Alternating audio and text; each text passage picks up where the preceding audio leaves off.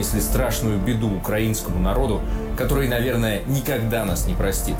Но ведь вы ведете войну не только с украинцами, но и со своими соотечественниками. Du er ikke kun i krig med ukrainerne. Du er i krig med dit eget folk.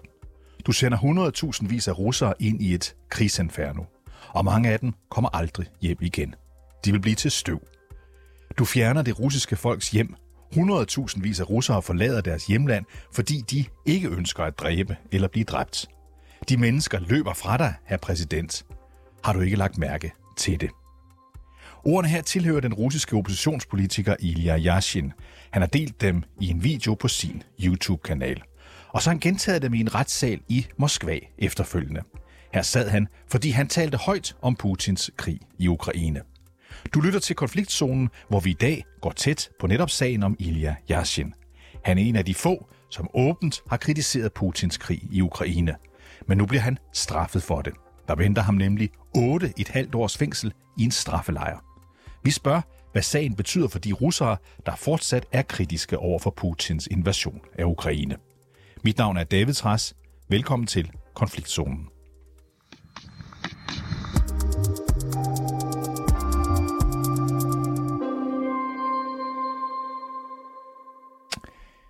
Katrine Stævnhøj, velkommen til programmet. Tak skal du have. Du er Ph.D.-studerende øh, ved Københavns Universitet, hvor du forsker i protestbevægelser og i politiske aktivisme i Rusland. Og så har du selvfølgelig fulgt med i den her sag om Ilya Yashin, som nu har resulteret i en fængselsdom på 8,5 år. Selve sagen, den vender vi tilbage til om lidt, Katrine, men først og fremmest, hvem er Ilya Yashin? Jamen, han er en af de her, øh, man kan kalde det sådan veteranmedlemmer af den russiske opposition, altså den ikke-systemiske opposition. I Rusland så skiller man mellem den systemiske og den ikke-systemiske opposition, hvor den systemiske er den, der eksisterer inden for det politiske system, og altså i realiteten mere er en form for legitimitet øh, til, øh, til det russiske styre, altså til Putins parti. Øh, men Ida Yassin er en del af den her ikke-systemiske opposition, som altså eksisterer uden for det politiske system, ikke har lov til at stille op til valgene osv. Øh, og det har der så været siden, øh, siden nullerne faktisk, i medlem af en del forskellige oppositionspartier, dengang de stadigvæk kunne være en del af magten. Blandt andet Jablaka, som er et øh, traditionsrigt øh, grønt-rødt øh, oppositionsparti, og Parnas, og ja, flere forskellige koalitioner af oppositionspolitikere. Så der er altså sådan en virkelig prominent oppositionspolitikere, vi har set på den politiske scene i, i mere end 20 år i Rusland. Og vi skal forstå det sådan, Katrine, som jeg hører på dig, altså han er rigtig opposition. Han er ikke sådan en håndpluk opposition, han er rigtig opposition. Nej, nej han er rigtig opposition, ligesom øh, vi for eksempel har set uh, Boris Nemtsov, som blev myrdet i 2015, og Alexei Navalny, som sidder i fængsel også. Altså de her, uh, som har været uh, altså verbale kritikere af ikke bare øh, regimet, men direkte af Putin øh, som, øh, som præsident. Så hvis vi så kigger på Yassin, du kalder ham meget markant, en af de mest markante i de sidste 20 år, altså de år, hvor Putin har været ved, ved magten. Hvor markant en stemme er han i den rigtige opposition så? Øhm, han er en markant stemme i den forstand, at han har, han har stået på de samme holdninger i, i mange år, og altså ikke ved øh, for øh, det, altså det stigende politiske tryk, der er i Rusland. Øh, og man kan sige, øh, for nogle år tilbage, så var der en, en større mulighed for faktisk, at som, som oppositionsmedlem, altså rigtig opposition, at gøre en form for forskel, altså deltage i det politiske system. Og den mulighed har vi jo set blive fuldstændig fjernet nu. Mm. Ikke bare i år, men måske i stigende grad siden 2019.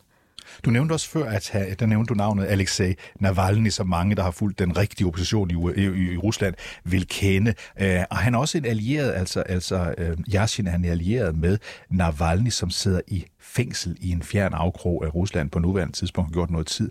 Kan man sige, at Yashin har overtaget Navalnys plads? Nej, det vil jeg ikke sige. Altså, det er nok noget mere at gøre med, at vi her i Vesteuropa har lagt mere mærke til Alexander Navalny. Det handler om, at han har et enormt dygtigt øh, medieteam, har været enormt dygtig til at komme ud med sit budskab, ikke bare inde i Rusland, men også uden for Ruslands grænser. Øhm, så det er ikke sådan, at Ilya Yashin ikke har været en prominent figur i øh, samme periode. De har faktisk deltaget i mange af de samme ting, samme koalitioner, oppositionskoalitioner, stået begge to som talere ved store protester i Moskva. Så han er ikke sådan på den måde øh, overtaget pladsen, men Alexei Navalny har også siddet i fængsel siden 2021, øh, så der har været fokus på nogle af de andre, der stadigvæk var ude i friheden i Rusland. Og Navalny, han tog jo berømt efter attentatforsøget mod ham ud til Tyskland, og så tog han tilbage igen, velvidende, at han formentlig ville blive sat i fængsel, hvad han jo så også blev. Hvorfor er Yashin her ikke flygtet ud af Rusland, når nu han vidste, havde nær sagt, hvad han stod overfor? Jamen, det er et enormt interessant dilemma, det her med, at man skal øh, forsøge at bevare en stemme inde i Rusland, eller forsøge at, øh, at flygte og så bruge sin stemme uden for landets grænser. Og vi har jo set en række af de her prominente oppositionsskikkelser øh, flytte ud. Øh, men vi har så også set nogen, der, der bliver eller ligefrem tager tilbage, som det er jo tilfældet med Navalny. Øh, Yashin selv, han, øh, han deltog i et interview sidste år med den meget prominente russiske vlogger, YouTuber øh, Yuri Dud, øh, som laver de her videoer med blandt andet oppositionsmedlemmer, aktivister mm. osv. Der siger han i det her interview, Yashin, at øh, han, han vælger altså at blive, selvom at han udmærket godt ved, at hans dage er talte, hans dage i friheden er talte. Og han siger noget meget interessant med, at netop fordi han ved, at der er en udløbsdato på hans frihed, så bruger han tiden så godt, som han kan. Øhm, og det, det siger noget om, at at man gerne vil sende et signal til den øh, folkelige opposition, der er i Rusland, den del af russerne, som tænker anderledes end Putin, tænker anderledes end de, den her øh, store passive masse. At vise dem, ved at vi tør faktisk godt blive her. Vi sidder ikke bare ude i eksil i en elite og øh, taler ned til jer inde i Rusland. Også derved udviser han et, et mod, som, øh, som, som man kan blive imponeret over. Vi fik en bid her i begyndelsen af, hvad det er, han siger, da jeg læste noget af hans øh, tale op øh, på dansk. Men prøv lige at forklare os, Katrine, hvad er det egentlig, han går og siger om Putins krig i Ukraine, den krig, som Putin jo selv siger, øh, går aldeles øh, fremragende? Altså, hvis jeg må starte lidt tidligere i talen faktisk, så kommenterer han direkte på retssagen og roser faktisk dommeren. Øhm, og giver på en eller anden måde udtryk for, at han, øh, han stadigvæk tror på, på Rusland. Han tror selvfølgelig ikke på Putins Rusland, men han tror på, at der er et andet Rusland, øh, som kan blive muliggjort, hvis der er flere, der løfter stemmen. Da han adresserer Putin, så siger han jo netop det her med, at øh, øh, hvis jeg må tale til dig her, præsident, ja. øh, så er du grunden til, at jeg sidder her, og du er også grunden til, at der er en, øh, en krig i Ukraine øh, og en krig mod dit eget folk. Så han gør sig umage med at både tage afstand til det, der sker i Ukraine, men også tale ind til dem, der sidder i Rusland og også er påvirket af, af krigen der. Altså de her øh, statistikker, som bare er statistikker for Putin, men i virkeligheden er døde soldater, døde familiemedlemmer for, for en stor del russere. Øhm, så han prøver at tale til, til nogle af dem, som ikke allerede er omvendte. Øhm, ja. Så han i tale sætter, hvad der i virkeligheden sker i en krig. Det er ikke bare en statistik, det er mennesker, der, der dør. Ja, Prøv lige at fortælle os, han bliver jo anholdt i sommer, altså juni måned, Yashin. Han er mistænkt for at sprede det, som man kalder falske nyheder. Muligvis det, vi vil kalde rigtige nyheder. Men han bliver anklaget for falske nyheder om krigen i Ukraine på sin øh, YouTube-kanal. Hvad har han sagt, øh, som, som russerne kalder falske nyheder? Altså, han har sagt flere... Russerne, undskyld, her forstår som regime. Ja. Han har sagt flere ting, og det er jo nok lidt vilkårligt, hvad, hvad de lige har valgt. Øhm, han har i en YouTube-video øh, på sin altså kanal, hvor han deler sine politiske budskaber, der har han omtalt øh, drab på civile øh, og tortur af civile i Bucha. De forfærdelige historier, der kom frem i foråret. Øh, så man har så forsøgt at også sprede i Rusland, øh, så de også ved, hvad der sker i virkeligheden. Øhm, og det er jo så det, man fra det russiske regime mener er såkaldte øh, fake news. I øh, deres øh, lovgivning blev der indført en ny lov den 5. marts i år. Øhm, to nye love, men en af dem er den her om øh, spredning af såkaldte falske nyheder, øh, som kan straffes med op til 15 års fængsel. Så det er den paragraf, han er øh, anklaget og dømt for, det er altså at sprede øh, øh falske, øh, falske, falske nyheder. Det kan man simpelthen blive dømt for i Rusland på nuværende ja. tidspunkt. Ja. Øhm, hvad siger han egentlig selv til, øh, til anklagen Ilya Yashin? Jamen, han, han siger jo, at han taler sandt. Han fortæller sandheden om krigen. Øhm, og det er, jo, det er jo spændende, hvis man kigger på den her måde, som oppositionspolitikere er blevet fængslet på i Rusland, hvor man tidligere mere har set som fabrikerede anklager, sådan noget med at skattesvig eller, eller bedrag og sådan noget, og så man sat dem ind på den måde. Nu har man faktisk gjort sådan en lovgivning, at man faktisk kan, kan dømme dem for det, de gør. Ja. Kan man sige, ikke? Det, det bliver i højere grad en, en kamp om sandheden. Hvem har sandheden, og hvem, hvem bestemmer, hvad, hvad, hvad der er sandt at sige. Og Yashin, han mener jo så, at han står på den, det vi også vil betragte som, som sandheden. Han siger også i den tale, øh, du refererede til, at, at folk må ikke øh, føle føle sorg over, at han er blevet sat ind. Øh, I stedet skal de blive ved med at løfte deres stemmer, blive ved med at ture gå på gaden. Øh, så han vil hellere være et symbol på det mod, der er, og ikke et symbol på, at regimet kan lukke de kritiske stemmer. Lad os lige holde os et øjeblik til det med, at de har fundet på, som du sagde, og rent faktisk har ret selvfølgelig folk hvad de, for, hvad de siger, for det er, jo, det er jo et nybrud. Du var selv inde på det før, så vi nogle af de store dissidenter, eller rettere sagt meget velhavende mennesker, der også var en slags øh, politisk opposition til, til, øh, til, til Putin. De blev dømt for noget, man kunne kalde måske muligvis opfundne, opfundne sager om deres øh, pengeforhold. Så nu siger du, altså nu går de ind og og, og lytter til, hvad de siger, og så laver de retssager efter det her. Det kan man gøre. Ja, og man kan jo sige, at den her øh, de facto krigscensur, som vi jo godt kan kalde det, mm. den her paragraf fra øh, den 5. marts, den dækker jo relativt bredt. Øh, så hvis regimet definerer, at noget ikke passer, så kan man dømmes efter den paragraf. Og det handler jo også i, i videst udstrækning om at, at stå på gaden med et skilt, hvor der står, øh, hvor der står fred, eller der står krig. Eller, altså, så hvis man, hvis man overhovedet tør at bevæge sig ind i det her krigskritiske, øh, den her krigskritiske arena, rent politisk, så risikerer man altså at falde ind under den her meget sådan hvide paragraf i virkeligheden krig, fordi det ikke er en krig, og, og fred, fordi det lyder som en kritik af krigen. Ja. Okay. Imens retssagen her den har stået på, så har den franske avis Le Monde også lavet et interview med Ilya Yashin, og det er gjort gennem kontakter med hans sagsbehandler. Her spørger de ham blandt andet om, hvad han har gjort for at forberede sig på, at han kunne blive smidt i fængsel. Du var også inde på det før, Katrine. Han svarer, at han både har forberedt sig psykisk, men også passer på sin fysiske tilstand, øh, hvis han skulle blive smidt i fængsel, hvad han så er blevet. Så det virker til, at han har været ret bevidst om, at det her ville ske. Men hvor stor en risiko, Katrine, vil du sige, han har løbet, når han har talt så åbent om krigen i Ukraine? Jamen, han har løbet en stor risiko, ligesom alle andre, der taler kritisk om, øh, om krigen gør. Og det gælder faktisk ikke kun prominente oppositionsmedlemmer, men også privatpersoner i stigende grad, som, øh, som tør ytre sig kritisk. Så man løber en stor risiko, hvis man øh, på nogen måde er kritisk over for regimets ageren i Rusland. Så han gør altså ligesom Navalny. Han siger, jeg er villig til at gå i fængsel i mange år. Vi ved jo også, at når man først er sat ind i et fængsel som en russisk oppositionspolitiker, så risikerer man pludselig, at der dukker nye sager op, så sagen mm. bliver længere og længere. Så med, med, med åben pande, med åben sind, har han lavet sig indespærre. Øh, det er sådan, at, at opposition, den rigtige opposition arbejder, siger du? Noget af den. Øhm, når vi kigger på opposition og protest i Rusland, er det vigtigt at understrege, at det ikke er en samlet bevægelse. Den er meget fragmenteret. Mm. Men både fordi en del af den eksisterer inde i Rusland, i fængslerne blandt andet, øh, men, men også øh, uden for Rusland, for eksempel i Baltikum er der en del øh, oppositionspolitikere, der er rykket til. Øhm, og der er forskellige holdninger til, hvorvidt man bør emigrere ud, eller man bør blive i Rusland og kæmpe, og der har været en del kritik internt i nogle af de her mere sådan græsrådsagtige øh, protestbevægelser.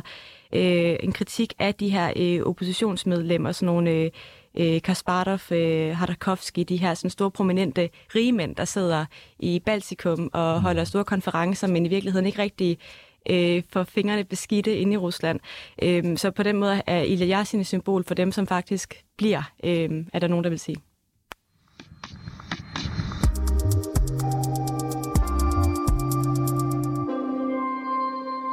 Katrine Stævnhøj, du er fortsat med mig her i studiet phd studerende ved Københavns Universitet, hvor du forsker i protestbevægelser og politisk aktivisme i Rusland. Og vi ser altså nærmere på den her sag om Ilya Yashin, der har fået 8 et halvt års fængsel i en russisk straffelejr, ifølge den russiske domstol for at sprede falske nyheder om krigen i Ukraine. Hvad er der af reaktioner øh, på den her retssag? Altså, Jeg siger, reaktioner, der er, kommer fra øh, den fløj, man, man kunne regne med. Øhm, altså fra de kritiske medier, fra øh, andre oppositionsmedlemmer, også dem, der har siddet i fængsel, som jo udtrykker blandt andet på sociale medier, der er støtte. Øhm, vi ser ikke øhm, sådan store protester øh, mod det. Ligesom vi så, så protester dengang Alexei Navalny blev anholdt mm. i mhm. starten af 2021. Det er der simpelthen ikke mulighed for i Rusland længere. Det bliver øh, både slået ned af, af de her riot-betjente, uro-betjente på mhm. gaden, mm. men sådan set også alt det sådan forebyggende omkring, og så de her love, vi allerede har været inde på.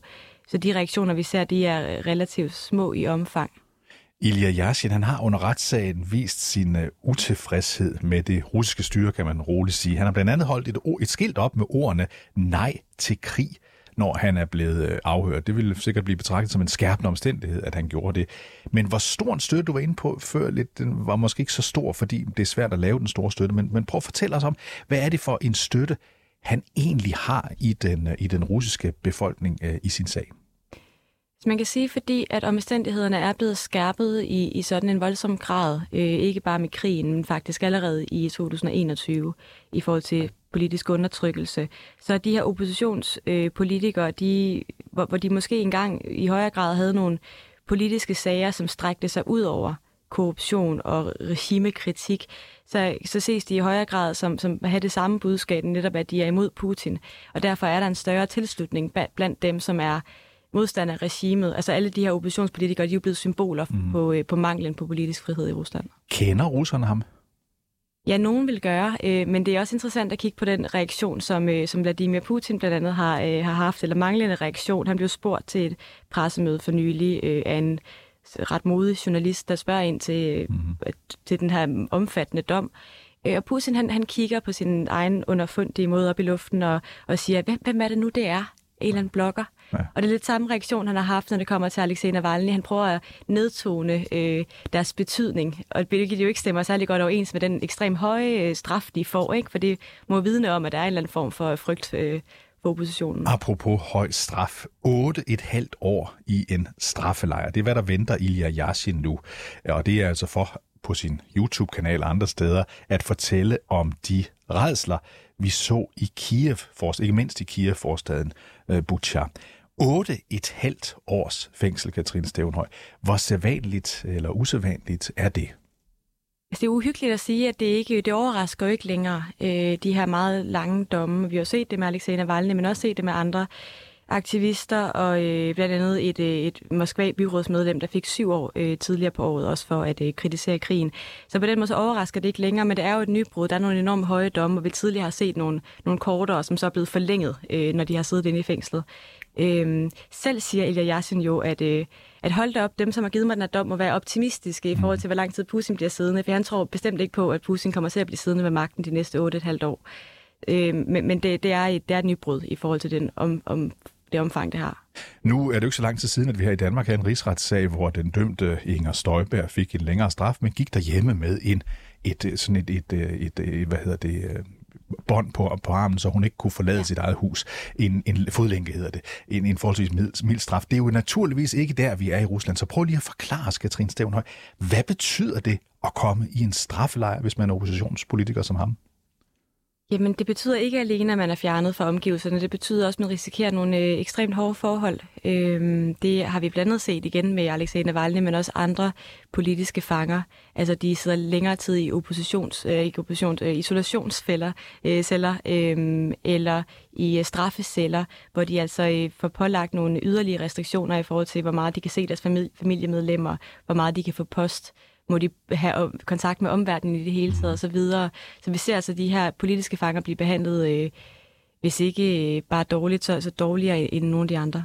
Så det er, en, det er en, en, en, en rigtig farlig straf langt ude på landet. I, i, øh, er vi i Sibirien? Altså, hvor, hvor, hvor, hvor ligger de hen, de her steder? Ja, nogle af dem i Sibirien, nogle af dem uden for Moskva. Øh, det er lidt forskelligt. Jeg ved faktisk ikke, om det er offentliggjort, hvor han skal sidde endnu. Øh, men man kan sige, at det er der forsøg på at underminere deres, øh, deres kampgejst. Mm-hmm. Fordi vi har jo set tidligere med nogle af de forsøger stadigvæk at holde deres politiske stemme og politiske fane højt, på trods af, at de sidder inde. Og det vil man jo gerne fra regimets side undgå. Så det kan blandt andet betyde at begrænse deres adgang til deres advokater, begrænse deres adgang til familiemedlemmer osv. Hvad kan den her dom give os af ny viden om det russiske regimes måde at håndtere oppositionspolitikere på under den her krig? Altså, som sagt er det, ikke, det er ikke længere så overraskende, men det siger jo noget om, at man, man fortsætter med den her øh, meget hårde linje. Øhm, og man skal passe på med at drage sådan nogle meget forenklede øh, øh, stalinisme-paralleller. Øh, mm-hmm. øh, men alligevel så er der jo nogle ting, der, der begynder at minde om den måde, man forfulgte øh, dissidenter på i Sovjetunionen. At man enten opfordrer dem kraftigt til at øh, gå i eksil. Det har Putin også ved at gøre i sin taler og opfordrer til, at folk forlader landet, hvis de ikke er her mentalt. Ja. Øhm, og så igen sætter dem ind for de her... Øh, de her meget, meget små forseelser, øh, som vi vil se det. Til gengæld i lang tid. Ja. Hvis vi til sidst her ser fremad, hvad vil du så sige, hvad er de næste skridt for det, du kalder den rigtige russiske opposition, for eksempel Yashin? Hvad er, hvad er næste skridt for dem nu? Jamen som sagt, så er den meget fragmenteret, den øh, russiske sådan, pro-demokratiske opposition. Øhm, så vi, vi ser det også i stigende grad nu, for eksempel i Baltikum, ikke, at der er diskussioner blandt andet om sendetilladelser for oppositionsmedier osv. Øhm, så, så det logiske skridt for dem vil være at forsøge at samle en opposition. Øh, men det virker til at være svært. Den, ja svært, det virker til at være svært, fordi de bliver blandt andet sat i fængsel, som, som du har forklaret os her. Men, men, men, men kan vi sige, øh, Katrine Stevenhøj, har den russiske opposition overhovedet en chance for at ændre på Putins magtposition øh, her, mens der stadigvæk er krig? Det er fuldstændig umuligt at forudse, hvad der kommer til at ske, ja. men øh, jeg, jeg vil ikke mene, at en, øh, en omvæltning i Rusland kommer til at ske, ske fra folkets side, men nok nærmere inden fra øh, den eksisterende magtelite. Men den opposition, der er, som stadigvæk formår at have en eller anden form for organiseret øh, tilstedeværelse, den vil jo blive vigtig på den anden side, hvis vi kommer til at se et andet Rusland. Ligesom vi jo så de i 90'erne, hvor der opstod de her oppositionspartier, nogle af dem, der allerede eksisterede mm. inden Sovjetunionens sammenbrud. Så det her med, at der er, der er noget, der eksisterer i forvejen, og de skal til at opfinde det på ny, når øh, Putin på et tidspunkt forlader magten. Jeg bemærker, at du bruger det lidt pessimistiske udtryk, hvis der kommer et regimeskifte ja. på et eller andet tidspunkt. Du sagde ikke når. Er det fordi, at, øh, at øh, det lige så godt kan være, at øh, Putin bliver siddende i mange år? Øh, er det lige så sandsynligt scenarie, som at der på et eller andet tidspunkt ud af den her krig kommer et tidspunkt, hvor han bliver fældet, og der kommer et nyt Rusland? Selv hvis øh, Putin øh, falder fra magten, er det jo ikke sikkert, at vi får en, der er bedre. Eller en, der er mere demokratisk end ham. Og vi har jo ikke endnu set øh, store folkelige protester, øh, som har kunne rokke ved regimets magt. Vi ser en stor del af oppositionen flytte ud af landet, forståeligt nok. Mange frie medier flytter ud, mange aktivister flytter ud, mange unge, veluddannede mennesker flytter ud. Så vi ser både et, et demografisk drain, men også et, et demokratisk drain ud af Rusland, som gør det øh, meget sværere for dem at øh, skulle opbygge noget igen. Lige her til allersidst, de der russiske oppositionsfolk, som altså ikke er fremtrædende, dem vi ikke kender, dem der sidder rundt omkring i køkkenerne og forsøger at, at motivere sig selv, bliver de optimistisk eller pessimistisk, når de nu ser, at Ilya Yashin han bliver spærret ind? Bliver de opmuntret af det, fordi de ser hans mod, eller bliver de i virkeligheden deprimeret og tænker, det her, det holder aldrig op? Jeg vil sige, at mange af dem, de, de sidder ikke kun i køkkenerne, de sidder, de sidder også ude i øh, små lokale organisationer, små lokale medier og forsøger at eksistere, på trods af den censur, der er, den krigscensur. Uh, øh, så de bliver måske motiveret af hans mod, men også pessimistisk af den måde, regimet reagerer på det. Tusind tak, Katrine Stævnhøj, fordi du er med i programmet. Selv tak. Som altid interessant at høre din udlægning af forholdene i Rusland.